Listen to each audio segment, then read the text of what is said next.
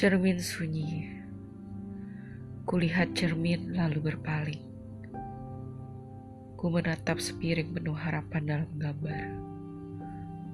Coba menerka apa yang akan terjadi hari esok. Bagaimana bisa dia menjelma menjadi masa depan yang dinanti. Sesendok cemas, sesuap asa, semangkok kecupan.